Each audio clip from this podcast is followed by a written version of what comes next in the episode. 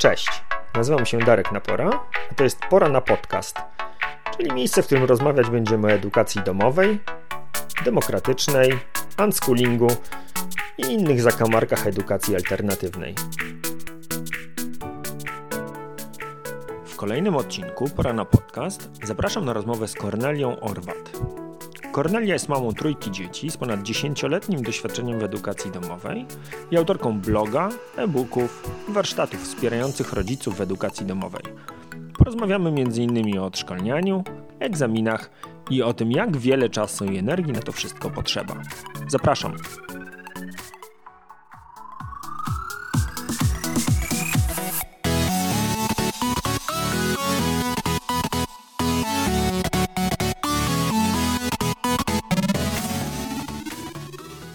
Pierwsze pytanie, które zawsze jest takie samo. Co u ciebie się teraz ciekawego dzieje i u osób, które są w twojej rodzinie, czyli u twoich dzieciaków? Masz męża?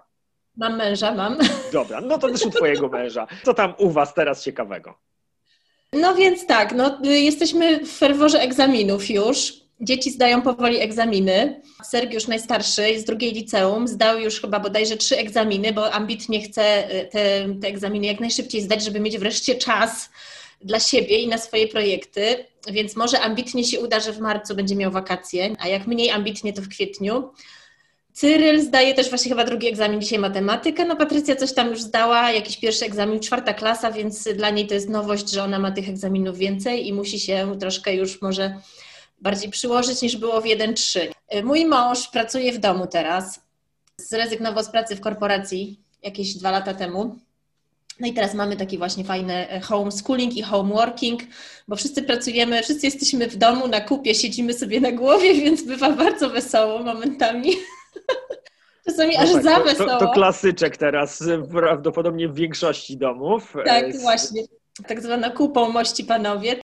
Ja wpadłam na pomysł, że też będę rozwijać swój własny mały biznes oparty na tym, że właśnie pomagam e, mamom w edukacji domowej jakoś tak ogarnąć to wszystko i się, żeby się nie przejmowały i żeby nie zapominały o sobie. E, no i tak to się kręci, tak to się kręci jakoś. No jakoś żyjemy, nie pozabijaliśmy się jeszcze. Zaraz, zaraz. Mi się tutaj włącza od razu protest. Jak to? Tylko, e, tylko mamom pomagasz, a tatom nie pomagasz?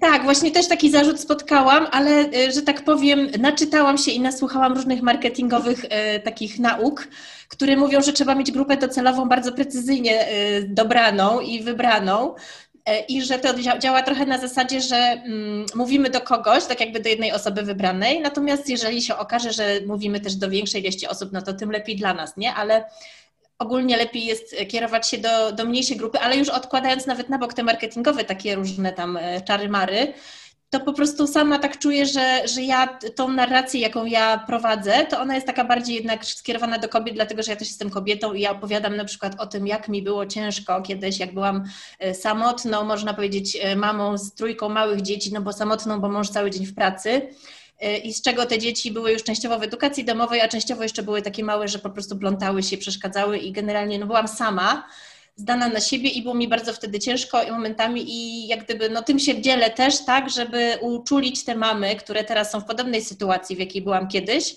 na to, żeby nie zapominały o sobie, tak, o swoim odpoczynku i o tym, że one mają prawo też do urlopu i mają prawo też do wolnych weekendów na przykład. Tak, więc to bardziej dlatego w tą stronę poszło. Kumam. E, słuchaj, ja będę się czepiał słówek nie samotną, tylko samodzielną mamą, to po pierwsze. E, to od razu wprowadza tą siłę, no nie? Mamy, która, która sama, e, sama działa, jest samodzielna, potrafi, potrafi to, wszystko, mm, to wszystko ogarnąć. To ja jeszcze tobie taki, taką pod, e, wrzutkę zrobię. E, poczekaj, niech ja zerknę, żebym nie był, e, żebym nie gadał tak tylko z pamięci. a propos odbiorców, czy osób, które słuchają mojego podcastu, bo tutaj e, są dość, e, dość spektakularne statystyki tego, e, jak, jak wygląda właśnie podział ze względu na różne kategorie. No i poza tym, że większość osób słucha mojego podcastu prosto z Ankora, czyli tej, tej platformy, na której się on znajduje, to jeżeli chodzi o, chodzi o podział ze względu na płeć, to wygląda to u mnie w ten sposób, że e, kobiet jest, słuchaj, 66%, Hmm. To jest, to jest pierwsza informacja, więc wygląda na to, że ten temat edukacji domowej oraz no, szeroko, pojętego, szeroko pojętej opieki nad dziećmi jest jednak domeną w większości kobiet, albo przynajmniej w strefie ich zainteresowań. Ale tutaj, słuchaj, będą ciekawostki dalej, bo 21% to są faceci i teraz uwaga dalej, 10% e, się nie określiło, ale jeszcze 3% e, w deklarowany, w zdeklarowany sposób jest niebinarna. Mm, także e, tutaj, jeżeli chodzi o, o Twoją grupę docelową, to może wcale nie być to takie oczywiste, jakby się wydawało. To znaczy, może ja jeszcze tutaj dopowiem, dlaczego mamy, dlaczego kobiety, i tu będę oczywiście niepoprawna politycznie, bo będę y, stereotypami płciowymi y, jechać. Kobiety mają skłonności większe, moim zdaniem, do poświęcenia się i do takiego zapominania o sobie. E, mężczyzna słynie z tego, że jak tylko jest okazja, to się położy, jak tylko jest okazja, to się wyłączy, zajmie się czymś swoim, a kobiety nie. Kobiety jednak są bardziej takie, może mają te radary nastawione bardziej na dzieci, nie? To jest taki, chyba z natury jednak kobieta bardziej jest, e, instynkt może ma bardziej macierzyński, taki, no macierzyński po prostu, tak? I jest właśnie taka bardziej yy, wyczulona na sygnały płynące od dzieci, na ich potrzeby i trudniej się jest może wyłączyć. Ale to na pewno nie jest regułą, tak? Taką obowiązującą. Różnie pewnie to jest jak widać ze statystyk, które, e, które e, mi tutaj wyrzuca, e, wyrzuca Anchor, no przynajmniej 10% osób, które są gotowe słuchać o tym, to są faceci. Więc no skoro są gotowi o tym słuchać, no to znaczy, że jaką, jakieś tam zainteresowania je mają w tym kierunku. No zobaczymy, na mhm. ile, na ile, jak to będzie wyglądało wśród osób, które zdecydują się na, na ten Twój kurs, który tak naprawdę był takim trochę przyczynkiem do, do tego naszego dzisiejszego spotkania, bo gdzieś tam, nie wiem, czy to jakiś był sponsorowany link, który mi Facebook wyrzucił, czy, czy przez przypadek trafiłem na, na informację o tym, że będziesz, będziesz kursy czy szkolenia E, dla rodziców, którzy chcą się zdecydować na, na edukację domową. I Zobaczymy, jak będzie wyglądała ta nasza rozmowa, ale taką miałem nadzieję, myśl, że y, takim kluczem czy, czy myślą przewodnią tej naszej dzisiejszej rozmowy mogło, mogłoby być odszkolnianie. I o tym, i chciałem pogadać o tym, jak ty to rozumiesz, co to jest dla ciebie to odszkolnianie, co ono w ogóle oznacza dla, dla rodziny, dla dziecka, dla rodziców. I, e, no i zobaczymy. Fajnie by było, jakbyśmy wokół tego jakoś tam mogli sobie orbitować. E, więc no pierwsze pytanie do ciebie, jak ty pojmujesz e, odszkolnianie? Co ono, co ono dla ciebie od, oznacza? I skoro już żeśmy ruszyli ten temat płci, to być może oznacza różne rzeczy dla osób różnej płci? Mm. Tu mnie zagiąłeś, ale to jakby dwa pytania chyba są, więc zacznę od tego pierwszego. Co dla mnie oznacza odszkalnianie? E, tutaj powiedziałaś odszkolnienie, odszk odszkalnianie. E, w, polskim, w języku polskim zauważyłam, tak w, w środowisku rodziców edukacji domowej, mm, to funkcjonuje jako takie mm, coś takiego, co, co bym inaczej nazywała odzwyczajaniem się od myślenia szkołą. Czyli wychodzimy ze szkoły i musimy się przestawić na inne myślenie, na takie mm, pozbycie się jakby skupiania się na ocenach, na tym, co powiedzą nauczyciele, w ogóle co szkoła pomyśli. Znaczy, ja mówię tak, że często rodzice w edukacji domowej i nie tylko w edukacji domowej, może w szkołach nawet bardziej, traktują podstawę programową i w ogóle wymagania szkoły jako taką boginię, której trzeba składać ofiary z dzieci. Że po prostu robimy wszystko, żeby tylko tą podstawę programową zadowolić, że to jest najważniejsze, tak?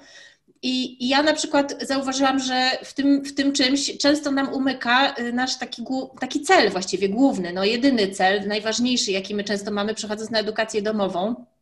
I chyba to jest najważniejsze, żebyśmy ten cel swój znali, żebyśmy go odkryli, żebyśmy mieli świadomość, jaki ten nasz cel jest i po co przyszliśmy na edukację domową. I wówczas, jak już odkryjemy to, czy sobie uświadomimy, to nagle się okazuje, że ta podstawa programowa jest gdzieś tam na samym końcu, tak?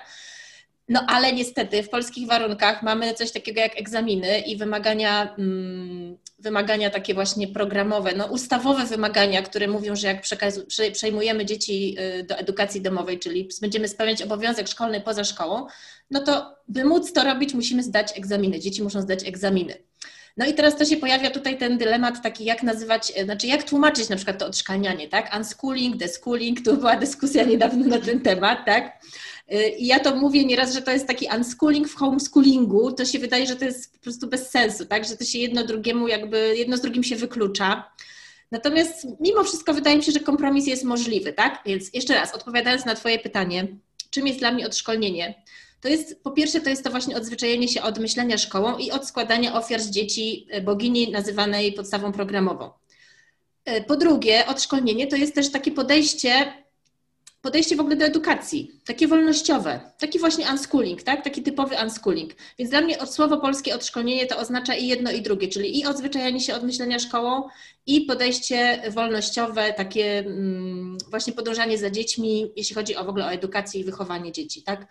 Z tym, że tak jak powiedziałam, to mamy ten dylemat y, językowy, bo w języku polskich, polskim no nie mamy tych słów, które by, by były różne, tak, na oba te, oba te znaczenia, więc ja mówię, że jedno to jest odszkalnianie, czyli odszkalniamy się, to trwa jakiś czas, to jest proces, który może trwać latami nawet, czyli to odzwyczajenie się od takiego myślenia szkołą. Natomiast to drugie odszkolnienie w sensie podejścia w ogóle do edukacji, to już jest takie coś, co my po prostu praktykujemy, tak, czym żyjemy. No dobra. E, wiesz co, pierwsze pytanie, e, nasunęło mi się dużo pytań. E, w ogóle muszę sobie wziąć długopis, żeby je notować, bo widzę, że mm, w takim tempie poruszasz tematy, że, że nie, będę, nie będę nadążał, żeby w głowie to wszystko notować. Ale pierwsze pytanie, które od razu mi się nasunęło, to kiedy powiedziałaś o celu, że musimy sobie wyznaczyć cel, wychodząc z systemu, czy decydując się na edukację domową, to musimy sobie wyznaczyć cel. I ja nie jestem pewien, czy ja byłbym gotów rekomendować takie, takie podejście, a to dlatego, że ja decydując się na edukację domową te kilka lat temu, kiedy nasze dzieciaki jeszcze nie, nie były w obowiązku y, nauki, czy nie podlegały obowiązkowi nauki, to wyobrażałem sobie tę edukację domową zupełnie inaczej niż ona wygląda w tej chwili, te, te kilka lat później. Jestem święcie przekonany i na 100% pewien, że ona będzie jeszcze zupełnie inaczej wyglądała za kolejne pięć lat. I teraz to, czego się obawiam, e, kiedy proponujesz, żeby rodzice wyznaczali sobie cele, że e, powiedziałaś o tym, że w szkole dzieciaki padają ofiarą bogini podstawy programowej, natomiast tutaj nagle, zamiast skupiać się na potrzebach dziecka, nagle możemy się zafiksować na jakimś celu, który żeśmy sobie wyznaczyli, a który tak naprawdę bardzo szybko przestanie nam służyć, przestanie służyć dziecku, bo okaże się, że to, co my myśleliśmy, że jest edukacją domową, to wcale nie jest edukacja domowa i że się potwornie w tym męczymy. Paradoksalnie, być może nawet bardziej niż w szkole, bo tam już mieliśmy pewne utarte schematy, wiedzieliśmy, którędy iść, coś tam, y, coś tam mieliśmy jakieś gotowe rozwiązania. A tutaj trzeba wymyślać koło na nowo i jeszcze bzduraliśmy sobie, że to koło to tak naprawdę wygląda jak kwadrat i próbujemy zrobić, zrobić kwadrat, a, a powinno być koło. Mhm. Y, wiesz co, mi się wydaje, że y, może ja to źle ujęłam, może nie cel, bo znaczy ja zawsze podkreślam, że cele się oczywiście zmieniają, tak? To, to nie jest coś, nawet normalnie w życiu, w biznesie, w, jak, w jakichkolwiek dziedzinach życia, jak mamy jakiś cel, to zawsze mamy cele długoterminowe, krótkoterminowe i ja zawsze, ja sama jestem osobą, która bardzo często zmienia zdanie i, i zmieniam właśnie też te cele, tak? Ale jakby jeżeli ja wiem, po co ja coś robię, no to wtedy mi jest łatwiej, tak? Więc jakby mówiąc o tych celach, to chodzi mi takie, o coś takiego, że my wiemy, po co myśmy przeszli na edukację domową. Może to tak powinnam sformułować. Dam przykład, że my przeszliśmy na edukację domową, żeby wolniej, spokojniej żyć, tak? Żeby nie pędzić, ciągle się nie śpieszyć, żeby to dziecko mogło iść sobie powoli przez te kałuże przez godzinę albo dłużej, podziwiać sobie chmury, tak? Patyczki zbierać po drodze i tak dalej. Więc jeżeli ja w, tym, w pewnym momencie y, przechodzę z edukacji domową właśnie po to, żeby żyć wolniej, żeby pozwolić na te przeżywanie świata spokojniejsze, i w pewnym momencie y, się odnajduję w życiu, które polega na tym, że ja ganiam codziennie y, z zajęć na zajęcia z dziećmi, stoję w korkach i w tygodniu mam pięć czy sześć różnych, najróżniejszych zajęć, a jeszcze do tego mam w głowie gdzieś tam, że trzeba tą podstawę programową też zrobić, więc nagle to się okazuje, że ja po prostu zapomniałam, po co ja przyszłam na edukację domową, tak? To, to bardziej o to chodzi, żeby po prostu wiedzieć, nie jakiś cel, że na przykład nie chcę wychować takiego czy takiego człowieka, chociaż to też gdzieś tam z tyłu głowy mamy, tak? I nawet ja powiem więcej. Ja tych celów nawet nigdy tak sobie, y, wiesz, konkretnie nie rozpisywałam, tylko one gdzieś tam były w naszej głowie, w naszych myślach, ale okazywało się w praniu, że po prostu idziemy nie tą drogą, którą chcieliśmy, nie? To trochę też zahacza o to, co ty powiedziałaś, tak? Że, że to się zmienia wszystko. My myślimy w tym momencie, ktoś nam powie, o słuchaj Kornelia, mam tutaj taki fajny pomysł na takie fajne zajęcia, tu jest coś takiego, a ja tu coś zorganizuję. No i ty w to idziesz, no bo myślisz, że tak trzeba, ale tak naprawdę się nie zastanowisz, czy to ci, czy to jest potrzebne dla was, dla twoich dzieci. I też o tych celach mówiąc, też nie mówię o celu moim osobistym tylko, tak, ale o tym, żeby mieć na uwadze też cele, znaczy cele, no, no po prostu dzieci, tak, ich potrzeby, nie, i w ogóle no, nasz sposób życia i tak dalej. Jasne. I teraz to, co powiedziałaś, to z tym po prostu obiema rękami jestem się w stanie y, pod tym podpisać, no nie? Żeby obserwować siebie, obserwować dzieciaki i starać się u, nazywać e, te, te potrzeby, które się e, pojawiają, bo szczególnie u dzieciaków one się będą zmieniały bardzo, tak. bardzo szybko i to, co potrzebują teraz, kiedy moje dzieci, kiedy są mm, na początku szkoły podstawowej, będzie zupełnie czym innym niż ich potrzeby, kiedy będą pod koniec szkoły podstawowej i będą mieli e, te kilkanaście lat, no a już tym mhm. bardziej osoby w liceum, których potrzeby tak. są już zupełnie inne i cały czas towarzyszenie dzieciakom w tym i pomoc w nazwaniu czy zaobserwowaniu tych potrzeb, to, to jest zdecydowanie coś, co, co edukacja domowa, jako ten klucz do edukacji domowej bym, bym postrzegał.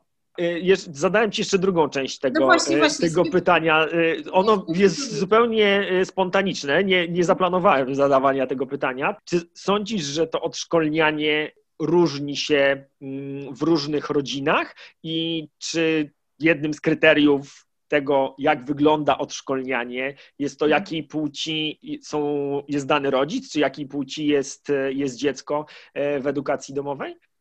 Nie, tutaj płeć moim zdaniem nie ma nic do rzeczy. Nie, absolutnie. Ja spotykam się z rodzinami, z, e, z, dziewczynami, które mówią, wiesz, ja to bym chciała przejść na edukację domową, a mój mąż nie chce. No ale to oczywiście to nie jest równoznaczne przejście na edukację domową z odszkolnieniem, tak? To też jest inna sprawa. U mnie w domu na przykład mąż jest o wiele bardziej odszkolniony ode mnie. E, od początku był odszkolniony, mówił, że nigdy nie znosił szkoły, no ale był prymusem tak de facto, nie, w szkole. Bardzo dobrze się uczył, ale po prostu robił to, no bo, no bo akurat mu tak wychodziło w sumie łatwo, ale nigdy szkoły nie lubił. Tak uważał, że szkoła to było marnowanie czasu. Jak tylko mógł, to się migał od szkoły i zostawał w domu, udawał, że jest chory albo chorował czytał książki. Nie, mi się wydaje, że płeć nie ma tu nic do rzeczy. Nie, to bardziej ja uważam, że winą, znaczy ja winą za nasze uszkolnienie obwiniam po prostu szkołę, tak? I to nasze przekonania, nasze takie przyzwyczajenia, które my ze szkoły wynieśliśmy. To, że my się bardziej lub mniej przejmujemy ocenami, czy w ogóle właśnie podstawą programową, czy uczeniem się takim, jak szkoła kazała, to wynika też z naszego dzieciństwa, z tego, jak nasi rodzice podchodzili. To bardziej tutaj bym szukała źródeł tego, jak my się odszkalniamy. Jak nasi rodzice podchodzili do tego, w jakich szkołach byliśmy, jakich nauczycieli mieliśmy, a w rodzinach też tak samo różnie to wygląda. Ja myśląc sobie o tej naszej e, rozmowie, miałem właśnie ochotę e, na, na zrobienie takiego przelotu przez elementy, które, które się pojawiają w, w tym procesie odszkolniania, czy te elementy, które potrzebne są do tego, żeby móc wejść w edukację domową w taki satysfakcjonujący dla wszystkich sposób. I rozpatrywanie tego tak, wiesz, zupełnie randomowo, czy takiego rozrzuconego, takich rozrzuconych rzeczy, które trzeba albo warto odszkolnić, e, stwierdziłem, że będzie trochę mało uporządkowane, żeby, żeby dało radę nad tym zapanować i w trakcie rozmowy, i do słuchania. I pomyślałem sobie, że można by to podzielić na takie dwie kategorie, e, w których, czy na takie dwa obszary, w których można, e, czy należy się odszkolnić. I e, jak sobie te spisałem wszystkie tematy, to mi wyszło, że Pierwszy ten obszar to jest to, co ty powiedziałaś już, czyli jakby w zakresie szkoły, no nie? Na czym polega uczenie się, jak, jak, co, co trzeba zrobić, żeby się uczyć. Mm, a drugi obszar to jest znowuż coś, o czym wspomniałaś przed sekundą w tym ostatnim zdaniu, czyli o tym, jak my postrzegamy rolę dorosłego, czy rolę rodzica, czy opiekuna w relacji e, dorosłe-dziecko. I mam taki pomysł, żebyśmy spróbowali teraz o tym pogadać, jakie Twoim zdaniem są takie najczęściej pojawiające się fragmenty z tych dwóch obszarów, które y, rodzice czy opiekunowie muszą odszkolnić, żeby sprawić, że ta edukacja domowa stanie się czymś służącym im jako dorosłym w życiu, w realizacji swoich potrzeb y, zawodowych, osobistych, ale też e, rodzicielskich. No i z drugiej strony, jak to zrobić, żeby ta nauka zachodziła, a nie była po prostu orką na ugorze. Co ty na to? E, to ja może powiem tak, nie wiem, czy to będzie odpowiadało temu, o co ty pytasz dokładnie, ale jeśli chodzi w ogóle o uczenie się, e, ja czerpię swoją tak jakby wiedzę, bo już pomijam doświadczenie, wiedzę z książek, z książki Zamiast edukacji Johna Holta, który jest nazywany ojcem unschoolingu. I on mówi, że właśnie uczenie się powinno zachodzić przez działanie. E, druga rzecz, z czego ja czerpię też swoją wiedzę, to była teoria uczenia się muzyki Edwina Eliasa Gordona. Ja w tym robiłam kurs na temat umuzykalniania dzieci i małych, małych dzieci i niemowląt.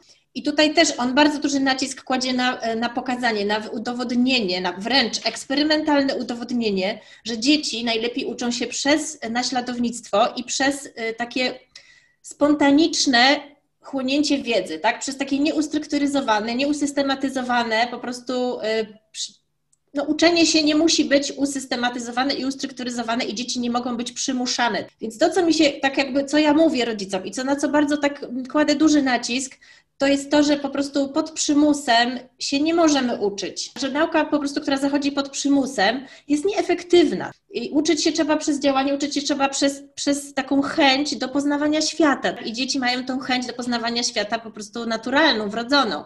I jeżeli my jej nie zabijemy, nie zniszczymy, to one będą ją miały wciąż i będą się uczyć, mimo tego, że my nawet nie będziemy im kazali się uczyć jako rodzice tylko jakby tutaj naszą rolą właśnie, co my teraz jako w rodzice w edukacji domowej musimy zrobić, to my powinniśmy dzieciom po prostu zapewnić no, otoczenie, tak jak mówi Maria Montessori, y, warunki do uczenia się przez działanie, tak jak mówi John Holt. W praktyce u nas na przykład, w naszej rodzinie to wygląda tak, że my mamy bardzo ściśle rozdzielone uczenie się do egzaminów, a uczenie się po prostu takie właśnie spontaniczne. I na to uczenie się spontaniczne to my nawet nie mówimy uczenie się, tylko po prostu no, dzieci sobie żyją, tak? Czytają, bawią się, grają, oglądają, y, gdzieś tam chodzą na zajęcia. Oczywiście no już teraz nie chodzą na razie, nie mają jak.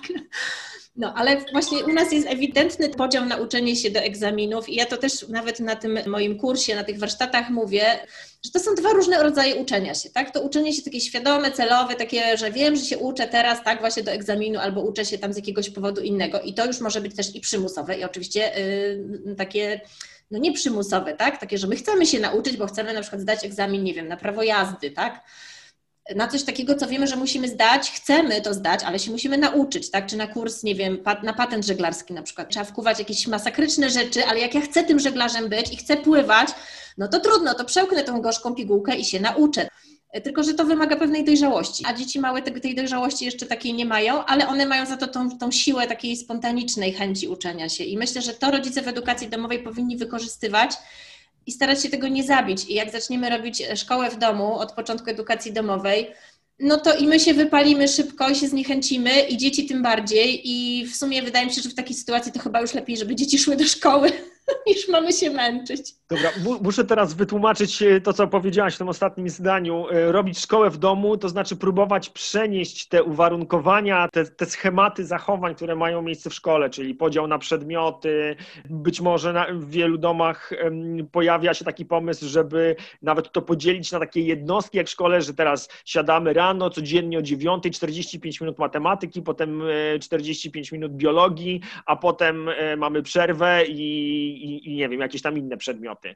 E, więc to lata i, i, i, dziesiątki rodzin potwierdzają, że jest orką e, na ugorze. Już to określenie raz użyłem, e, ale tak po prostu jest. To jest udręka i, i rzeczywiście rodzice, którzy próbują to robić, szczególnie w takich wielodzietnych rodzinach, gdzie, gdzie są dzieciaki o bardzo różnych potrzebach i, próbują to łączyć w taki sposób, no to bardzo, bardzo szybko i bardzo łatwo mogą dojść do sytuacji, gdzie jest jeszcze gorzej niż było, kiedy dzieciaki były w szkole. Także tutaj, tutaj potwierdzam, potwierdzam tę diagnozę, chociaż wiem, że są rodziny, które tak dają radę to, y, to sobie zorganizować i też no, nie jest tak, że się zupełnie tego nie da zrobić, ale z pewnością jest to bardzo trudne i obciążające dla, dla wszystkich.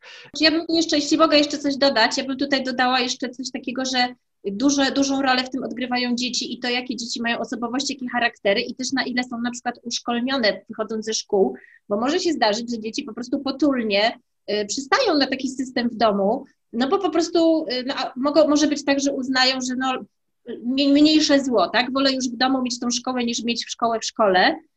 No ale pytanie, czy to dziecko jest szczęśliwe, czy to dziecko się rozwija, tak? Bo może ono jest po prostu robi to, bo musi, bo rodzice kazali, a nie ma na tyle charakteru silnego i niezależnego, tak jak niektóre dzieci mają. Na przykład moje są takie, że absolutnie mi się nie udało tego czegoś wprowadzić, choćbym nawet chciała. Więc jak są dzieci takie bardziej właśnie potulne, no to może poddają się temu i no to też nie jest fajne to jeszcze nie koniec moich pytań do, do tego fragmentu, e, bo e, powiedziałaś, e, powiedziałaś o tym, że wy rozdzielacie tę naukę czy przygotowanie do egzaminów od nauki w sensie poznawania świata, przygotowywania się do, do spełniania w nim różnych ról jako wartościowego członka społeczeństwa. I jak to wygląda w waszym, waszym domu? Bo wiesz, sporo osób bardzo, bardzo się niepokoi tą kwestią egzaminów. E, to jest taka naprawdę przerażająca myśl. Nawet moje dzieciaki, z którymi e, niedawno nagrywałem e, rozmowę, mimo że my jesteśmy tak unschoolingowi, jak się tylko w Polsce da i dołożyliśmy do tego naprawdę wiele wysiłku, żeby, żeby trafić w takie miejsce, które te egzaminy uprzyjaźnia najbardziej jak to możliwe, to jak to wygląda w Waszej rodzinie? Jak, jak Wy organizujecie to sobie czasowo, emocjonalnie, w takiej sferze deklaracji, umowy jakiejś między, między Wami a, a dzieciakami? Hmm. Nie wiem, czy mogę to upubliczniać. Śmieję się. Nie. Sama oceń. Tak, tak. Nie, my jesteśmy bardzo też unschoolingowi i też właśnie to się tak e, przydarzyło, że po prostu najstarszy syn, który był pierwszym naszym dzieckiem w edukacji domowej, od razu postawił sprawę jasno, świadomie bądź nieświadomie, po prostu taki ma charakter, że mm, on jest, y, on nie będzie robił tego, co mu się każe on ma swój pomysł na życie i na spędzanie czasu y, i po prostu bawił się całymi dniami. I ja w pewnym momencie, y, mimo że próbowałam coś robić z nim, próbowałam go zmusić, nazwijmy to, do tego, żeby robił jakieś zadania w podręcznikach, no to w końcu odpuściłam, bo uznałam, że gra jest niewarta świeczki i właśnie tutaj zadziałało to, co powiedziałam na początku o tym, po co przeszliśmy na edukację domową, a moim po co to było, była lepsza relacja z dzieckiem i było danie mu swobody i czasu na zabawę, a okazało się w praniu, że ja tutaj go co chwilę po prostu gonię do jakichś tam książek, które były dla niego nudne po prostu w tych klasach 1-3 y, i dopiero po rozmowie z pewną mądrą osobą y, odpuściłam. I to był dobry, dobry krok, bo dziecko się po prostu odblokowało się w tym sensie, że po prostu szkoła, bo chodził do zerówki i w tej zerówce po prostu został taki troszeczkę, mm, ja to nazywam, że cofnął się w rozwoju zamiast się, się rozwijać, więc jakby w domu znowu zaczął się rozwijać, tak? Znowu zaczął, stał się znowu pogodnym, uśmiechniętym, zadowolonym dzieckiem, pełnym życia, które ma pełno pomysłów, które po prostu się nie nudzi nigdy i, i to było piękne, ale ja potrzebowałam sama się właśnie odszkolnić i pozwolić sobie na ten luz, tak? To przyszło mi z dużym trudem, Natomiast potem przy każdym kolejnym dziecku było już łatwiej. już miałam to wyćwiczone. E, no i teraz powiem, jak jest teraz. Teraz jest tak, że oddzielamy, powiedziałam, że oddzielamy tą naukę do egzaminów. Tak naprawdę to dzieci to oddzielają. Bo ja tego, co one robią e, na co dzień, nie nazywam, że one się uczą. Jeżeli Patrycja, e, nasza córka, która ma 9 lat, siedzi całymi dniami, rysuje, różne rzeczy rysuje, to ja nie mówię, że ona uczy się rysować, tak? Tylko ona po prostu rysuje. Czy jak czyta książkę, czy jak y, syn, na przykład Cyryl średni układa sobie jakieś, y, gra sobie w jakąś grę planszową, y, strategiczną sam ze sobą, bo można akurat w niektóre grać sam ze sobą, to ja nie mówię, że on się uczy matematyki czy logiki, tylko on się po prostu bawi grą, tak? Natomiast jak już trzeba przysiąść do egzaminów, no to trzeba przysiąść do egzaminów i tutaj nie ma zmiłuj. I powiem coś ciekawego, co powiedział ostatnio Sergiusz, nasz najstarszy, 16-letni syn on powiedział, że to jest pańszczyzna, którą on musi odrobić, ale to odrabianie pańszczyzny ma też dużą zaletę i też ma walor edukacyjny, bo on powiedział tak, że jego to uczy, on tego nie nazwał pokorą, ale on powiedział, że jego to uczy takiego czegoś, że w życiu dorosłym, w ogóle w życiu musimy nieraz robić rzeczy, które nam się nie podobają, których nam się nie chce robić i on to, że on musi to, się, to do tych egzaminów przysiąść, traktuje jako ćwiczenie charakteru po prostu. Mhm. Okej, okay, no radzi sobie z zaistniałą sytuacją najlepiej jak potrafi. No niestety to my dorośli organizujemy dzieciakom takie, takie rozkminki, bo być może nie byłoby takiej konieczności, żeby, żeby musiał to sobie tak racjonalizować. No ale cóż, e, tutaj na tyle, na ile możemy podkopujemy te fundamenty, na których się tak. chwiejnie, ale jeszcze trzyma system oświaty w Polsce. E, być może e, nie, dzieciaki już w niedalekiej przyszłości nie będą musiały takich racjonalizacji sobie w głowie przeprowadzać. Ale jeszcze... jeszcze ja nie jed... powiedziałam Ci konkretnie, jak to u nas wygląda, tak technicznie. Wiesz, dobra, no. zaraz, zaraz Cię jeszcze przepytam o, o techniczne no. kwestie, ale nie wiem, czy zauważyłaś, właśnie zahaczyłaś niepostrzeżenie o ten drugi fragmencik e, odszkolniania, czyli o, o, o rolę rodzica w kontakcie z dzieciakami i o tym, no, jest takie bardzo modne nawet w tych bardzo takich progresywnych i lewackich i w ogóle wolnościowych klimatach koncepcja rodzica przywódcy, który spełnia różne role w Mm, życiu młodego człowieka i ona jest mi w miarę bliska, tylko że słowo przywódca e, może być bardzo, bardzo różnie rozumiane. I teraz, kiedy ty opowiadałaś o tym, jak ty postrzegałaś tą swoją rolę jako rodzica, no nie, że ty masz już ten zasób wiedzy, jakiś aparat poznawczy, który pozwala ci przewidywać coś tam, e, coś się może dziecku przydać, co w twojej ocenie będzie wartościową wiedzą, wartościowymi umiejętnościami, no i jesteś w tym momencie, patrzysz na to swoje dziecko całą sobą, całą swoją wiedzą, emocjami, intelektem, wszystkim i jesteś w przekonaniu, że teraz powinnaś je wesprzeć w odkrywaniu czegoś tam, po czym się okazuje, że dziecko ci pokazuje figę z makiem i po prostu wszystko, w co ty wierzyłaś do tej pory, nagle rozsypuje się jak paczka draży i musisz ty od nowa się, e, się odszkolniać. Jak to było? to właśnie było tak, że jak ja sobie w końcu odpuściłam robienie tych podręczników nieszczęsnych, które mnie się wydawały takie śliczne, takie kolorowe, takie, takie wiesz, takie zachęcające, że aż się chce wypełniać, aż sama miałam ochotę usiąść i te szlaczki tam rysować. A syn mi pokazał figę z makiem, że on woli budować klocków Lego no to przyszedł kolejny etap, gdzie ja uważałam, że w takim razie, no to ja może powinnam to jakoś tak przez zabawę, może powinnam jakiś taki, wiesz, fan jakiś wprowadzić, e, zorganizować jakieś e, pomoce e, naukowe, takie w stylu Montessori na przykład. Ja też tutaj absolutnie nie chcę Montessori skreślać. Uważam, że to jest bardzo dobra metoda i na pewno się w wielu sytuacjach sprawdza, w różnych okolicznościach.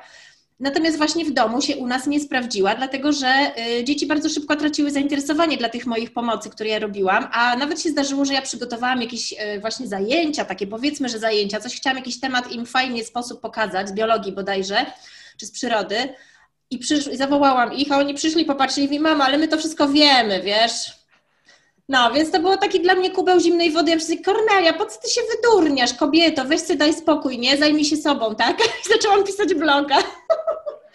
No I dobrze, ale to napis... słuchaj, bo ja, wiesz, ja jestem taki konkretny człowiek. Potrzebuję palcem pokazać, y, jaki to fragment tych twoich przekonań właśnie o tym, y, jaka jest twoja rola, musiałaś w sobie odszkolnić. Czy spojrzeć na to, co robili twoi rodzice, na to, jak wyglądało twoje dzieciństwo, na to, jak ty postrzegałaś swoją rolę, żeby móc to zaakceptować. No bo to, to jest, wiesz, to jest takie mega pierwotne, że próbujesz całym swoim doświadczeniem, tym wszystkim, co wiesz, co, co, co przeżyłaś, wesprzeć dzieciaki w tym, żeby one nie musiały tego przeżywać na nowo, no nie? żeby te wszystkie trudności, które ty musiałaś pokonać, to żeby im tego oszczędzić.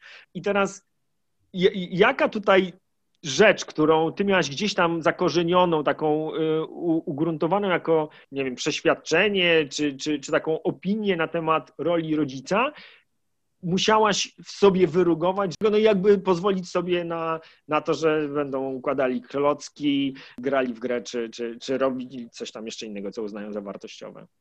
To chyba nawet nie chodzi o w ogóle zmianę mojego patrzenia na rolę rodzica, bo rodzic, a rodzic w edukacji domowej to też nie jest to samo. Czyli jak przeszliśmy na edukację domową, to ja nagle y, stwierdziłam, czy uznałam jakoś za takie oczywiste, że ja teraz mam być nauczycielem. To jest automatyczne takie no, że my rodzice tak myślimy, że teraz dziecko zabrałam ze szkoły, teraz ja będę je uczyć, tak?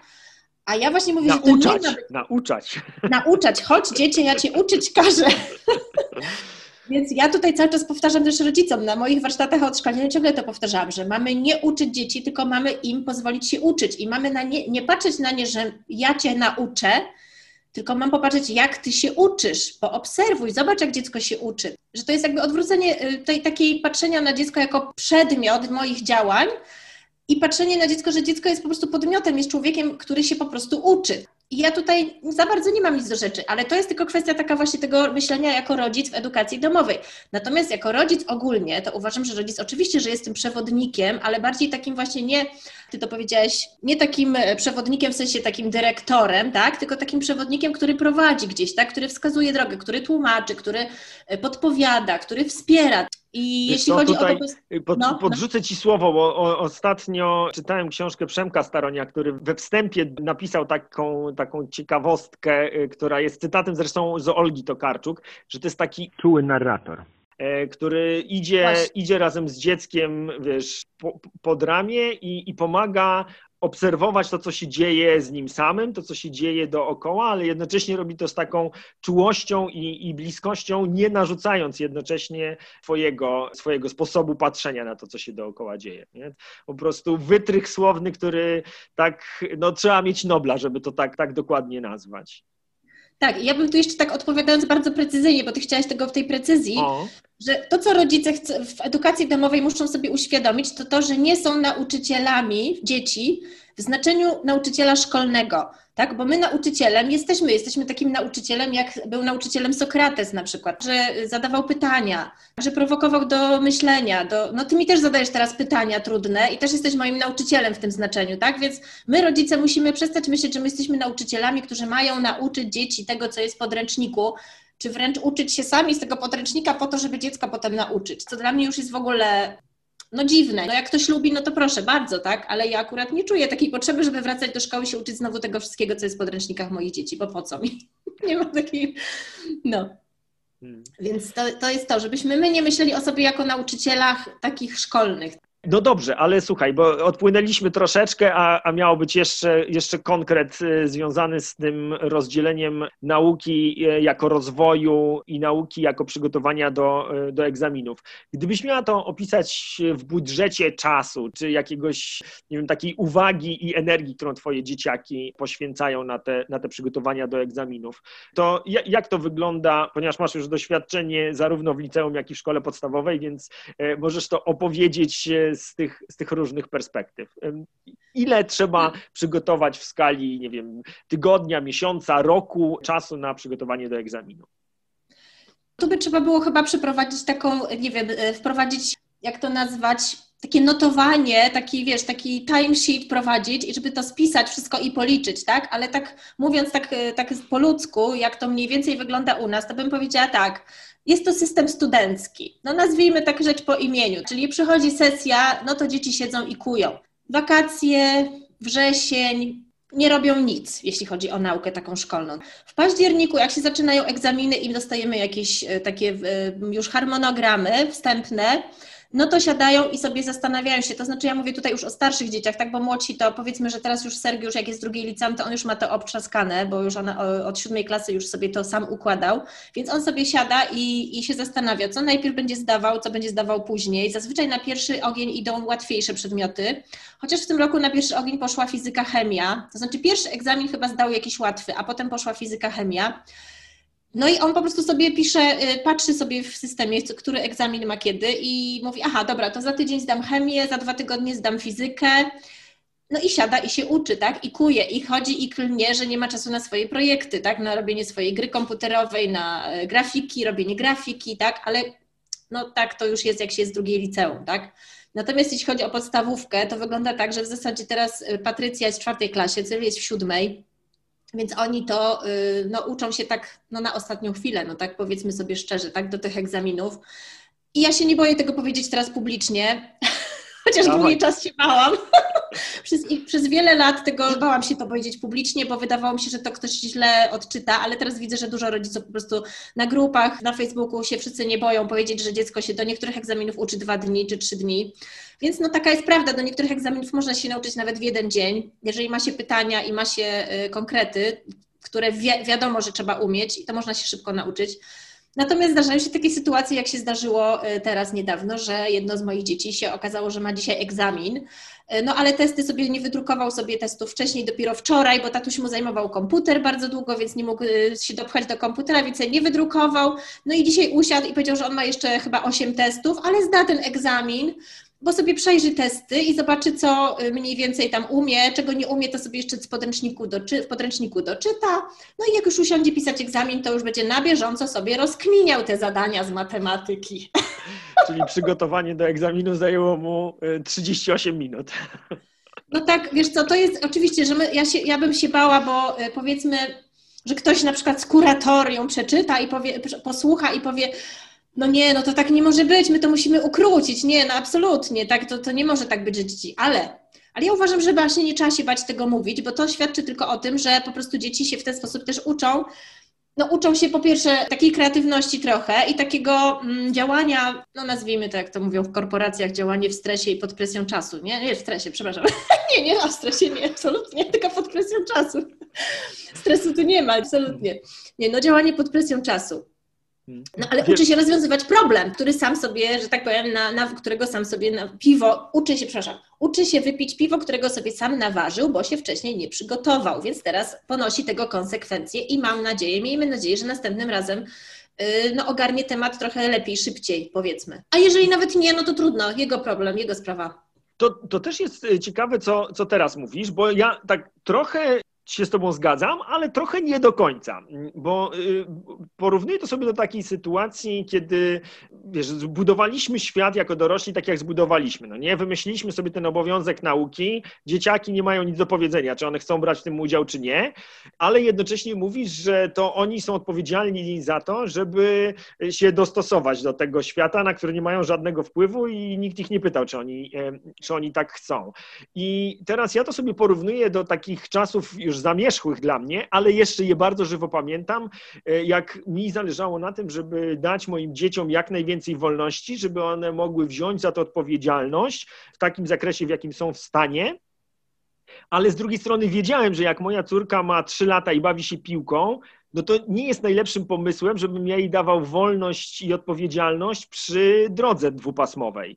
I teraz zastanawiam się, czy to nie jest tak, że zostawianie dzieciaków z odpowiedzialnością za te egzaminy bez opieki jest trochę jak, jak wiesz, jak puszczanie ich na zabawę z piłką przy autostradzie.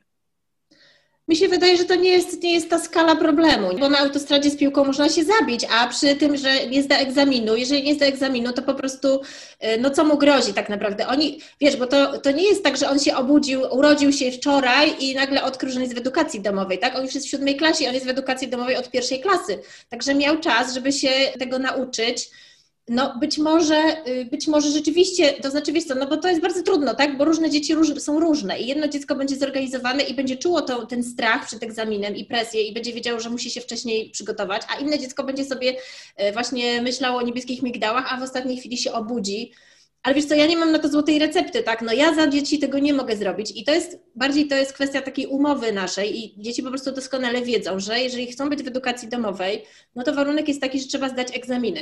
Wiedzą też, że te egzaminy nie są niczym strasznym i że nawet jeżeli nie uda się za pierwszym podejściem, to jest jakaś zawsze szansa, że można spróbować drugi raz. No bo co do zasady szkoły dają szansę jednak dzieciom, żeby podeszły drugi raz do egzaminu, więc po prostu, y, no ja myślę, że to nie jest takie, takie aż bardzo groźne jak to, to właśnie to, co powiedziałeś o autostradzie, mimo wszystko.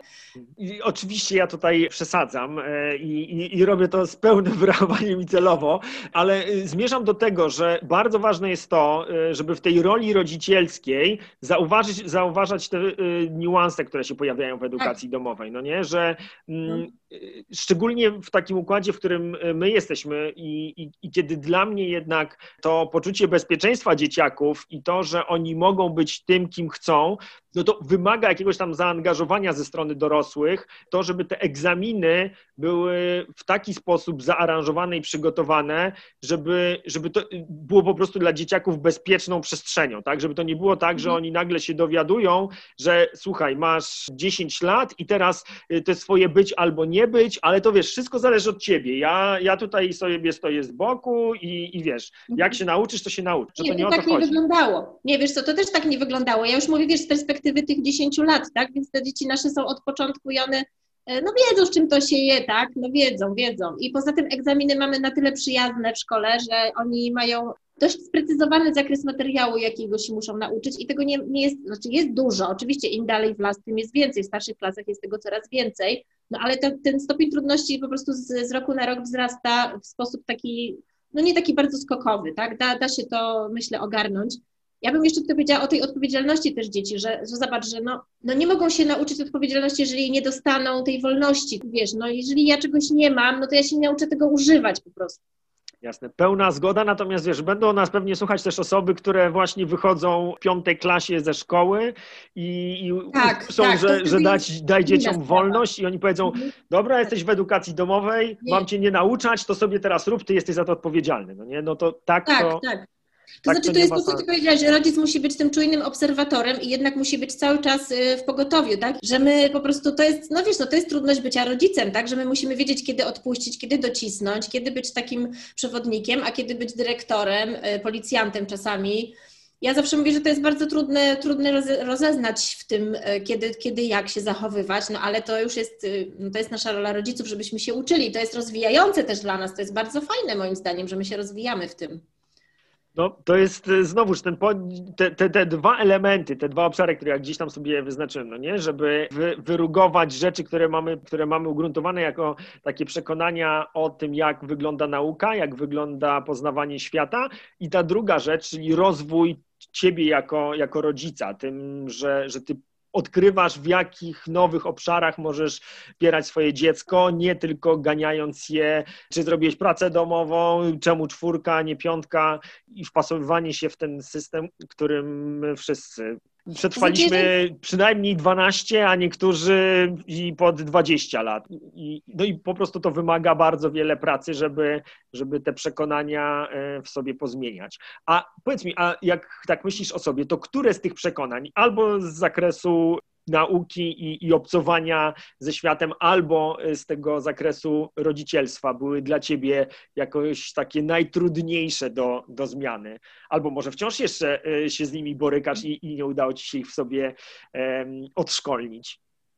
Wiesz co, chyba najtrudniejsze jest zmiana myślenia w kwestii takiej, że boisz się, że się dzieci czegoś nie nauczą że jakichś fragmentów wiedzy gdzieś tam nie nabędą, a w szkole jakby się uczyły, to oczywiście by szły tą podstawą programową i tymi podręcznikami i wszystko by umiały. Co jest absolutnie nieprawdą i absolutnie błędnym założeniem, bo przecież wszyscy wiemy, jak wygląda e, edukacja w szkole i jaka jest efektywna i jaka skuteczna. I no wiadomo, że jest nieskuteczna, tak? No, żaden nauczyciel ani żadna szkoła nie daje nam gwarancji, że nasze dziecko jak wyjdzie ze szkoły, to będzie umiało podstawę programową. To nawet nie jest nigdzie napisane, nigdzie absolutnie. Często rodzice w edukacji domowej mówią, no jak to, przecież jak ja przechodzę na edukację domową, to ja podpisuję papier, że moje dziecko będzie zdawać egzaminy i że ja je nauczę wszystkiego, tak, że wszystkiego się nauczy. To ja wtedy mówię, słuchaj, ale gdzie ty takie coś podpisujesz? Przecież my podpisujemy tylko, że my zapewnimy dziecku warunki do realizacji podstawy programowej i że nasze dzieci przystąpią do egzaminów. My nigdzie nie podpisujemy glejtu, który mówi, że my dzieci, że nasze dzieci będą wszystko umiały, bo szkoła takiego czegoś też nie podpisuje. Nie, nie ma po prostu takiej możliwości. No i pytanie, co w życiu będzie potrzebne naszym dzieciom? Przecież my nie wiemy, jak będzie ich życie wyglądać, jak będzie świat wyglądał, a ta wiedza, która najczęściej jest w podręcznikach czy w podstawie programowej, to jest wiedza w, w sumie dostępna ogólnie dzisiaj, tak? Patrzmy, jak świat się zmienił przecież przez te nawet ostatnie kilkadziesiąt lat internet postawił na głowie wszystko, tak? My już nie potrzebujemy umieć mieć książek, nawet nie musimy mieć w domu, możemy wszystko znaleźć w internecie. Oczywiście pytanie, czy to się za chwilę nie wszystko nie sypnie, nie rypnie się, też nie wiadomo. Tak, i najważniejszą umiejętnością będzie obsługa AK-47. Tak, tak, tak, właśnie. Albo uprawa roli na przykład. No dobra, ale to było znowuż dla mnie za mało, za mało dokładnie. Ja, pod, ja wiesz, konkrety, konkrety, dawaj mi tutaj, z czym ci, z czym ci, było, z czym ci było ciężko? Jak, jaki ten fragmencik było, żeby ciebie tylko tak nie eksponować, to ja opowiem co u mnie. E, I wciąż to trwa i ja wciąż jeszcze sobie nie potrafię z tym poradzić. E, dla mnie to jest kwestia matmy i takich e, computer skills. Ja mam takie głęboko ugruntowane przeświadczenie, że, że znajomość matematyki to jest taki, wiesz, klucz do świata, klucz do rzeczywistości. To była też rzecz, którą ja bardzo w szkole poważnie traktowałem, mimo że nie byłem jakimś orłem z matematyki, w ogóle byłem beznadziejny w szkole. Natomiast matmę wciąż y, traktuję jako coś takiego, co jest bardzo wartościowe i niezależnie od tego, co się stanie, to to trzeba umieć, to na pewno się przyda i w ogóle. I podobnie z tymi IT skills. A jednocześnie moje dzieciaki do tej matmy jakoś specjalnie się nie garną. Stasiek ma teraz 9 lat i po prostu czyta po 150-200 stron dziennie. Trzeba go kijem zapędzać do spania, więc wiem już z całą pewnością, że da się samemu nauczyć y, czytać i pisać. Natomiast z tą matmą to tak wiesz, ciągle tam czuję w środku, że, że mnie to niepokoi. E, I czy ty masz jakieś takie rzeczy, które czujesz, że nie, oni tak powinni, ja wiem, że tak trzeba. Oczywiście, że mam i matematyka, e, a miałeś, przepraszam, że zapytam, miałeś w szkole, w klasie e, taki wielki napis, taki baner z, napisem, że matematyka jest królową nauk? E, pewnie coś takiego było. Nie, to jest właśnie przyczyna, widzisz, bo my mamy po prostu to wbite do głowy, tak? Mamy gdzieś takie, wiesz, tak podprogowe jakieś takie programowanie, że nam to wbili. Na pewno też mam takie myślenie, że, że coś trzeba, że coś trzeba i ta matematyka i na przykład język angielski, to u nas od początku była umowa taka w domu, z mężem żeśmy dzieciom powiedzieli jasno, że mogą robić co chcą, ale mają spędzać czas jak chcą, ale codziennie mają robić matematykę i angielski. To było coś takiego, co u nas na początku funkcjonowało jako taka zasada. Nawet była zasada, y, y, która, której skrót brzmiał mapa, albo APA, APAM, jakkolwiek. I to był akronim bodajże to się mówi. To była matematyka, angielski, polski i akordeon, bo chłopcy chodzili do szkoły muzycznej, więc mieli ćwiczyć na akordeonie. I to były cztery rzeczy, które oni mieli codziennie w jakimś tam małym chociaż stopniu zrobić. No i teraz akuku, rzeczywistość powiedziała akuku i się okazało, że nie robili tego codziennie, no bo oczywiście się nie da codziennie, bo tak się pojedzie się do zoo, a to się pójdzie do lekarza, a to coś innego wyjdzie, albo się zachoruje, no ale to był ten właśnie ten taki drogowskaz, takie coś, co można było zawsze sobie odświeżyć i już słuchajcie, mapa, mapa, mapa, zróbcie mapę. Y, no i w praktyce powiem Ci, że im dalej w las, to właśnie y, no tym bardziej ta mapa poszła w zapomnienie niestety i teraz poszło bardziej w stronę takiego uczenia się blokowo, czyli oni sobie właśnie ustalają, jaki egzamin będą zdawać i uczą się już y, tylko do tego egzaminu w pewnym okresie czasu, tam tydzień, dwa, trzy, tak? I tu jeszcze, przepraszam, jeszcze zrobię dygresję do tego, co wcześniej, jak dzieciom pomóc, że jeżeli jesteśmy na początku edukacji domowej, no to warto usiąść i porozmawiać, jeżeli są starsze dzieci. No młodszym po prostu pomagać, zwyczajnie pomagać, porozmawiać i żeby sobie dziecko ustaliło, co chce zdawać, kiedy chce zdawać, w czym się czuje lepsze, w czym gorsze. Na początek jakiś łatwiejszy egzamin, żeby po prostu taką nabrać takiej pewności siebie, że o, udało się, to nie jest takie straszne. Y, ja no. teraz jeszcze raz wyciągnę to, co powiedziałaś, bo myślę, że to jest po prostu najbardziej klasyczna historia ever, przez którą przechodzi no bodaj każda rodzina, tymi własnymi lękami o tym, w jaką wiedzę dziecko trzeba wyposażyć, żeby no przynajmniej nie odstawało. I, i ta mhm. mapa, no akordeon powiedzmy, że nie jest w tej absolutnej podstawie, którą potrzebują wszystkie dzieci, ale poza tym to myślę, że no prawie każda rodzina byłaby się gotowa podpisać pod tym, pod tym, co powiedziałaś. No i fantastycznie, że powiedziałaś o tym, że, że od tego odeszliście, bo, no bo to jest najnaturalniejsza rzecz na świecie, że się nie da, po prostu się nie da z zainteresowaniem, z energią, z zaangażowaniem uczyć matematyki, angielskiego i polskiego codziennie.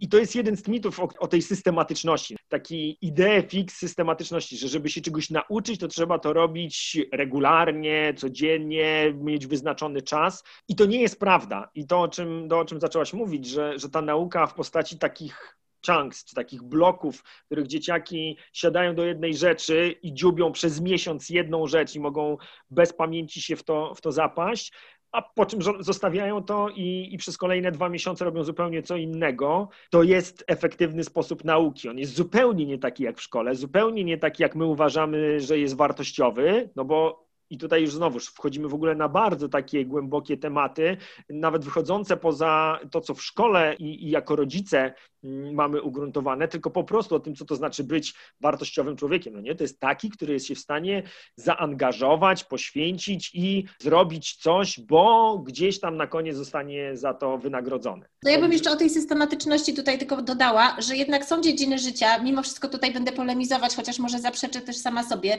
gdzie te, ta systematyczność jest E, na pewno wskazana, e, tak jakby chociażby właśnie gra na instrumencie, tak? Tylko, że właśnie tutaj chodzi o to, czy my chcemy się nauczyć grać na tym instrumencie, tak? Bo ktoś, kto kocha to robić, czy to właśnie grać na instrumencie, czy cokolwiek innego, to on będzie systematycznie to robił po prostu dlatego, że on będzie czuł taką potrzebę, będzie chciał to robić. Aczkolwiek też niektórzy powiedzą, że Mozarta ojciec podobno zmuszał do tego, żeby grał na pianinie, więc to było dziecko cudowne, ale to było dziecko cudowne wychowywane w sposób pe pewnie taki, którego byśmy dzisiaj nie zaakceptowali.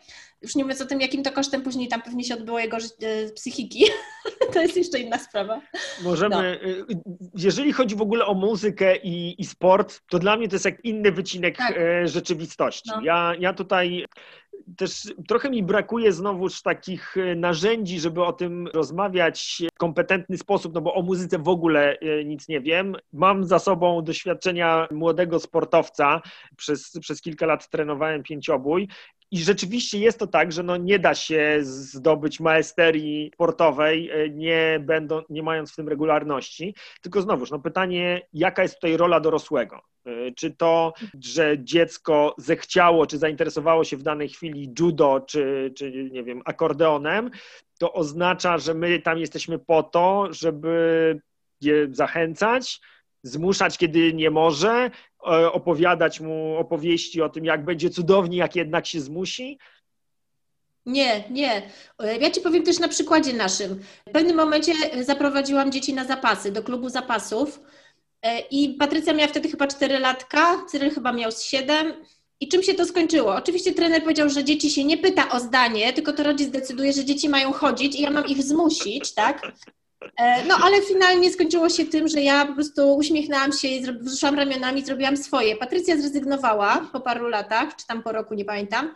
Cyryl pokochał, pokochał, naprawdę autentycznie zapasy polubił, trenerzy byli fajni, polubił i do dzisiaj chodzi, ma dzisiaj 13 lat. E, natomiast Patrycja przerzuciła się na balet i też ten balet bardzo pokochała, więc ja tutaj uważam, że rolą rodziców jest może nie tyle zachęcić, co po prostu pokazać różne opcje, wachlarz opcji, tak? Jeżeli i obserwować, obserwować dziecko. Jeżeli ja widzę, że Patrycja ma y, dryg do tańca i podoba jej się to i lubi, ja jej proponuję balet, ona mówi, tak mamo, chcę chodzić na balet, idzie na balet, podoba jej się, każdy kolejny raz mówi, że tak, chce iść, no to chodzi. Oczywiście, że się zdarzy dzień, kiedy ona powie, mamo, dzisiaj mi się nie chce, nie mam siły, no to wtedy rodzic musi uruchomić swoją mądrość rodzicielską i się zastanowić, czy to jest przejściowe, czy to jest na stałe, porozmawiać, a co się stało, a dlaczego, a dzisiaj nie ma siły, dobra, no to dzisiaj nie idziemy. Ale jak będzie kolejny, kolejny raz znowu nie chciała, no to znaczy, że trzeba się przyjrzeć, dlaczego nie chce. Może już jej się odwidziało, może już nie kocha, a może kocha albo pani jest jakaś dziwna. No wiesz, no to można po prostu drążyć i drążyć. Natomiast uważam, że każdy swoją drogę musi znaleźć i każde dziecko nie można zmuszać wszystkich, bo akurat tak trzeba. To nie ma czegoś takiego, że trzeba. Dokładnie. Nic nie trzeba, wszystko można. Takie małe motto do edukacji domowej. E, no dobrze. E, słuchaj, chciałbym już, żebyśmy powoli zwijali, ale teraz zostawiłem na koniec dwa takie pytania techniczne bardzo. Czy w ogóle, żeby do tej edukacji domowej przejść, to uważasz, że żeby w niej przetrwać czy przefunkcjonować do końca przynajmniej szkoły podstawowej, koniecznie trzeba przejść to odszkolnienie, czy da się na siłę tak trochę przepchać tylko po to, żeby po prostu nie być fizycznie w szkole?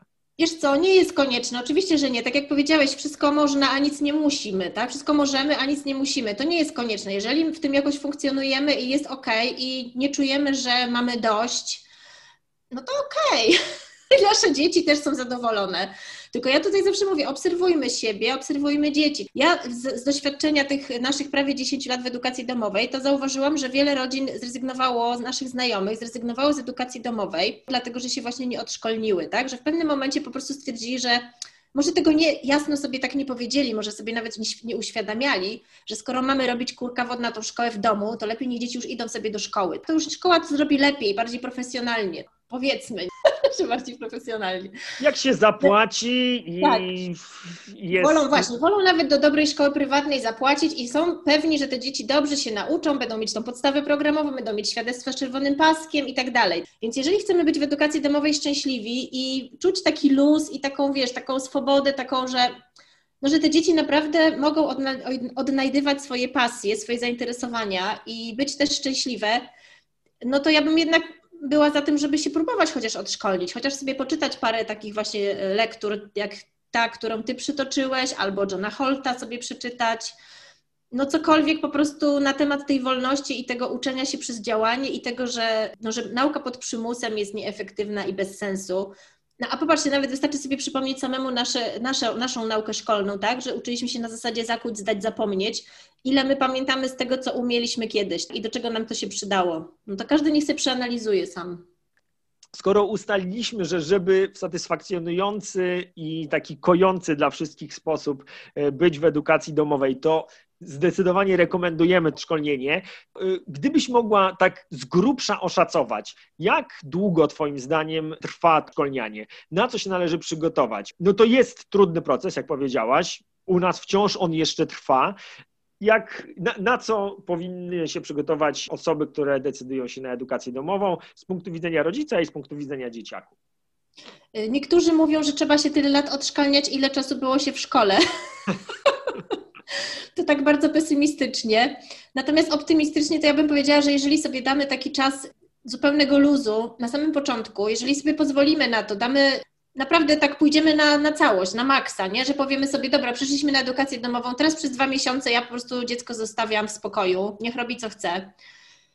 A potem powoli zaczynamy się przyglądać temu, co mamy zrobić, czy egzaminy jakieś są, czy coś. Znaczy zależy też, w której klasie oczywiście dziecko jest to myślę, że można się szybciej odszkolnić, ale też nie umiem powiedzieć Ci, ile to czasu fizycznie będzie trwało, bo ja też jestem dziesiąty rok w edukacji domowej i ja wciąż nie czuję się do końca odszkolniona. I to, że to ja powiedziałam być może, że fajnie, żeby było tak e, przyjemnie w tej edukacji domowej i lekko, to zabrzmiało tak hura optymistycznie. Nigdy nie jest u nas fajnie i lekko, zawsze są problemy, zawsze są jakieś kłótnie, właśnie i tak dalej. No to jest, wiesz, no jak w rodzinie i jeszcze w dodatku w rodzinie, która siedzi cały czas na kupie razem, ale już przynajmniej nam odpada ten stres związany z tym, że zdaj na piątki, czy zdaj na czwórki, czy, czy wiesz, no my mówimy dzieciom, wiecie, że macie zdać egzaminy, zdajcie te egzaminy, chociaż na truje, wybierzcie jeden przedmiot, z którego będziecie mieć lepszą ocenę, który lubicie, nie po to, żeby mieć ocenę lepszą, nie, tylko żeby po prostu, żeby jeden taki mieć swój upatrzony, w którym się po prostu troszeczkę więcej przyłożycie, dla własnej nawet satysfakcji. To wychodzi w sumie w praniu, tak samo, że dziecko po prostu nagle lubi jakiś przedmiot bardziej. No i tyle. I dzieci wiedzą, że my nie robimy tragedii, jak będzie gorsza ocena, tak? I to też jest takie, wiesz, wyluzowujące. No a ten czas, to ty powiedziałaś, ile czasu? Ciężko powiedzieć, wiesz, naprawdę. To mogą być lata nawet, lata, tak? Tylko trzeba czytać, trzeba się starać sobie to w głowie przepracowywać, zastanawiać się, y, no, czy to, że ja miałam czerwone świadectwo, y, przepraszam, świadectwo z czerwonym paskiem w którejś tam klasie, to czy to miało wpływ na to, że ja teraz, nie wiem, y, jakiś sukces odniosłam w życiu albo nie, tak? Wiesz, żeby to znaleźć te, te przełożenie tych sukcesów w szkole potencjalnych na, na, nasze, na, na życie naszych dzieci przyszłe, analizując swoje własne życie. Zerknięcie do własnych świadectw to jest dobry, dobry pomysł. Bardzo, bardzo polecam takie ćwiczenie. Dla mnie to też było takim, taką pobudką i też przyjrzenie się tym przedmiotom i tym, jakie miałaś, miałeś oceny z danych przedmiotów i co ci w głowie po tym zostało, tylko nie, nie w kwestiach takich merytorycznych dla mnie, tylko e, dla mnie było niesamowite to, jak bardzo to żywe we mnie emocje wzbudzało, jak patrzyłem na przykład na swoją fizykę, która uważam, że jest przefantastyczną nauką. Uwielbiam e, analizować świat w taki fizyczny sposób i teraz uważam, że jestem w tym świetny i tak wyciągam swoją, swoje świadectwo z pierwszej klasy liceum mierny co? Mierny z fizyki? Serio? I tak, to jest, to jest dobra wycieczka. Myślę, że dobry sposób na odszkolnienie. To, to uważam, że właśnie żeśmy, czy ty, przepraszam, ty wymyśliłaś fantastyczne, obowiązkowe ćwiczenie na odszkolnianie. Na początek wyjmij swoje świadectwa, zobacz, co tam jest napisane, jak się z tym czujesz, i co ci to teraz robi? Na ile to wpływa na to, co ty myślisz o, o sobie jako o człowieku, o rodzicu, tudzież o osobie, która ma wspierać swoje dzieci w poznawaniu świata. Tak, Ale żeśmy tak. czaderską rzecz w, w, zostawili. No znaczy ty powiedziałeś tak konkretnie o tym świadectwie, bo ja to zawsze mnie przypomnij sobie, zastanów się, a tutaj jest konkret, wyciągasz świadectwo i patrzysz, nie, co tam jest, tak? Fantastycznie. No. No dobrze, to dla mnie, dla mnie tyle. Chyba, że ty masz jeszcze coś do dodania, jakiegoś super ważnego, o co ciebie nie zapytałem, a co twoim zdaniem musi koniecznie wiedzieć każda osoba, która e, w ogóle rozpatruje edukację domową. Na zakończenie ja bym coś powiedziała takiego, e, że nie ma gotowych recept, no nie ma gotowych odpowiedzi na to wszystko. I ja wiem, że w Polsce jest bardzo trudno się odszkolnić przez to, że my jesteśmy jednak wciąż w tym systemie, który wymaga od nas zdawania egzaminów, które są no, szkolne po prostu. I siłą rzeczy te dzieci, na przykład zdając egzaminy, zaczynają się przyjmować też ocenami. Nawet jeżeli rodzice im mówią, nie przejmuj się, no to dziecko, wiesz, dostanie piątkę, to się cieszy, no super, dostanie truje, no to się mniej cieszy. No, na to nie mamy wpływu, to jest po prostu automat. Natomiast tak jak mówię, no trzeba się po prostu jakoś uzbroić w taką, ja mówię zawsze pokorę i cierpliwość i takie nastawienie, że nie ma gotowych recept, nie ma gotowych odpowiedzi. Musimy cały czas szukać, drążyć, rozwijać się, obserwować, zmieniać, tak jak ty powiedziałeś, co chwilę coś, dostosowywać się do otoczenia i uważam, że to jest właśnie naj, najfantastyczniejsze w edukacji domowej, że my możemy w ten sposób z dziećmi odkrywać świat, siebie nawzajem i to, w jaki sposób my się uczymy, uczyć się na błędach, ale z takim wsparciem, ze wspieraniem się wzajemnym, a nie z mówieniem, że ty jesteś beznadziejny, bo czegoś nie zrobiłeś, nie? Bo dostałeś, bo jak dziecko dostaje złe oceny, to bardzo źle wpływa na jego przecież y, samoocenę i w ogóle poczucie wartości. A co cyferka ma do wartości człowieka? No nic. No tak, no wiesz, my już to ile było, z pięć lat temu żeśmy zrezygnowali w naszej szkole ze wszystkich testów, ocen i obowiązkowych prac domowych i, i, i dzieciakom to oczywiście nic nie robi, natomiast okazało się pełnie w nieprzewidywalny dla nas sposób, bo żeśmy to wcześniej przetestowali, tam wiesz, w trzech grupach e, przez dwa lata żeśmy to testowali, sprawdzaliśmy jak to, jak to wpływa na, na atmosferę w grupie, czy dzieciaki się uczą mimo wszystko, pomimo faktu, że nie ma ocen i testów, wyszło nam, że w ogóle jest czadersko i oszczędność czasu gigantyczna, bo nie trzeba marnować e, go na wystawianie tych głupich ocen i, i no. testów i, i, i, sprawdzanie tych prac domowych, ich zadawanie i w ogóle wszystko czat, po czym jak już żeśmy stwierdzili, dobra, od tego roku to wprowadzamy, już tego się nie da przedłużać, będzie jak będzie. No i słuchaj, odeszło od nas ponad 30% e, rodzin mimo że wiesz, że naprawdę żeśmy w to zaangażowali masę pracy, żeby pokazać, wytłumaczyć o co w tym no. chodzi,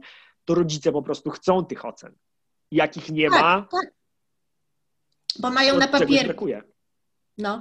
No i co zrobiliście? Wróciliście do ocen? Nie, no coś. Nie. Nie. nie, no to jest w ogóle jakość pracy, jakość no. tych kontaktów z dzieciakami, e, e, ta oszczędność czasu, że nie musisz po prostu go marnować na te głupoty z tymi stempelkami, pieczątkami, no bo wiesz, jak Pamiętasz, tak. jak to było, tak? No jak są małe tak, tak. dzieci, to muszą mieć tak. pieczątkę, bo inaczej nie będą chciały przychodzić, więc wszystkie dzieci o te pieczątki. Ale czemu tak. ja tylko jedną, a nie dwie? E, I, i, i wiesz, i targi, i, i, i miało być dobrze, a dzieciaki są sfrustrowane, bo ktoś dostał dwie, a ty tylko jedną. Bez sensu, bez sensu.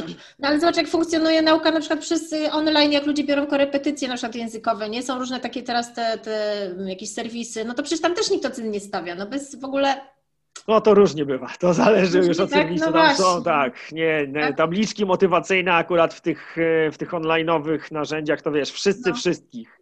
Dzieci, nauczyciela, rodzice tak. nauczyciela, nauczyciel dzieci. Są miejsca, gdzie rzeczywiście to się odbywa na takiej zasadzie ad hoc i tam no. powiedzmy, że to, to jest po prostu taki z doskoku, y, z doskoku zajęcia, natomiast tam, gdzie to jest zorganizowane w formie procesu, to w większości miejsc e, jeszcze z tego korzystają. Także... To ocenianie i te wszystkie takie właśnie te tabelki i tak dalej, to bardzo, bardzo mocno się trzyma w rodzinach, nie tylko w edukacji domowej, ale ja akurat e, mam znajomych i w ogóle obserwuję, jeśli chodzi o różne takie sprawy domowe, z wychowaniem związane, tak? Obowiązki, że jak zrobisz coś, no to masz tam, dostajesz jakąś naklejkę i buźkę i tak dalej. I pewnie to się czasem sprawdza. Ja nie mówię, że nie, może to jest i dobre, u nas, szczerze mówiąc, się nie sprawdziło. I u nas się najbardziej sprawdza zwyczajne, normalne po prostu rozmawianie. Słuchaj, chłopie, mieszkasz tutaj, no to musisz coś zrobić też dla domu, tak? Ja nie będę waszą służącą. No tak mówiąc brutalnie, no po prostu rozmawiamy normalnie, jak ludzie rozmawiają, a nie, że będziemy się bawić w jakieś naklejki i buźki. Ja jestem no. jeszcze krok dalej, bo ja jestem e, wielkim entuzjastą i, i, na razie nam to świetnie służy, takiej bezwarunkowej akceptacji. I, i u nas, e, ja, ponieważ ja pamiętam ze swojego znowu dzieciństwa i też przez długi tak. czas miałem taki imperatyw, no. że słuchaj, mieszkamy wszyscy razem, to wszyscy musimy się do tego dokładać. Nie wykluczam, że jak moje dzieci będą starsze, i to się nie zmieni, to kiedyś tak się to skończy. Natomiast na tę chwilę w ogóle nie, nie, nie ma takiej dialektyki. Jak poproszę e, i oni to zrobią, tak. to super. Jak Proszę. poproszę i nie zrobią, tak. No trudno, no ja jestem dorosły, to ja jestem odpowiedzialny za to, żeby, żeby zadbać o ich zdrowie, bezpieczeństwo i higienę i, i ja to po prostu robię i przez długi czas strasznie mnie to w środku po prostu skręcało i, i, i znowu jakieś takie, wiesz, zakorzenione gdzieś tam e, mhm. takie zupełnie nie, nieuświadomione przekonania o tym, co dzieci muszą, co dorośli powinni, powodowały, że mi z tym było mega trudno. Natomiast teraz już po jakimś czasie obserwuję, że to rzeczywiście jest tak, że jak, jak dzieciaki widzą, że ja ich nie zmuszam, nie szantażuję tym, żeby mi pomogły, to mhm. i sobie wzajemnie, i mi dużo chętniej pomagają. pomagają. Tak. E, bo, bo, wiedzą, że jak ja ich proszę o pomoc, to nie jest tak, że ja wymyśliłem sobie, że ty masz teraz sprzątać, bo coś tam, tylko tak, rzeczywiście tak. potrzebuję z tym pomocy. I, wiesz, no to są takie tematy, no różnie, myśmy też to tak przerabiali, różne momenty są, nie? Ja wiesz, ja mam czasami tak, że już... Yy no też tak jak ty mówisz, no że prosisz, prosisz, prosisz, no ale nieraz już wiesz, jak już ten chłopak ma tam 13-16 lat, no to proszę i proszenie nie pomaga, no to czasem trzeba użyć argumentu takiego bardziej, wiesz. Słuchaj, zostawmy w takim razie z tymi dwoma scenariuszami, słuchaczy, bo i tak już żeśmy dojechali e, do, takiego, do takiej no. długości nagrania, że, e, że, nie, że chyba się nie da tego wysłuchać. Będziesz, będziesz musiał dużo ciąć chyba, nie? Nie, wiesz co, myślę, że, że poza tak? jakimiś tam zająknięciami to wyszło nam fantastycznie. Tak? I e, co prawda struktury nie udało mi się utrzymać, co sobie jakoś tam e, zarzucam, ale, ale wyszła taka jak w torcie, no nie? Bo ja myślałem, że uda się tak. nam to wykroić ten element szkolny i wykroić ten element rodzicielski, a tak żeśmy szli trochę, trochę rodzicielstwo, szkoła, rodzicielstwo, szkoła, ale to też e, myślę, że jakoś tam będzie mhm. e, zrozumiałe. No, spoko.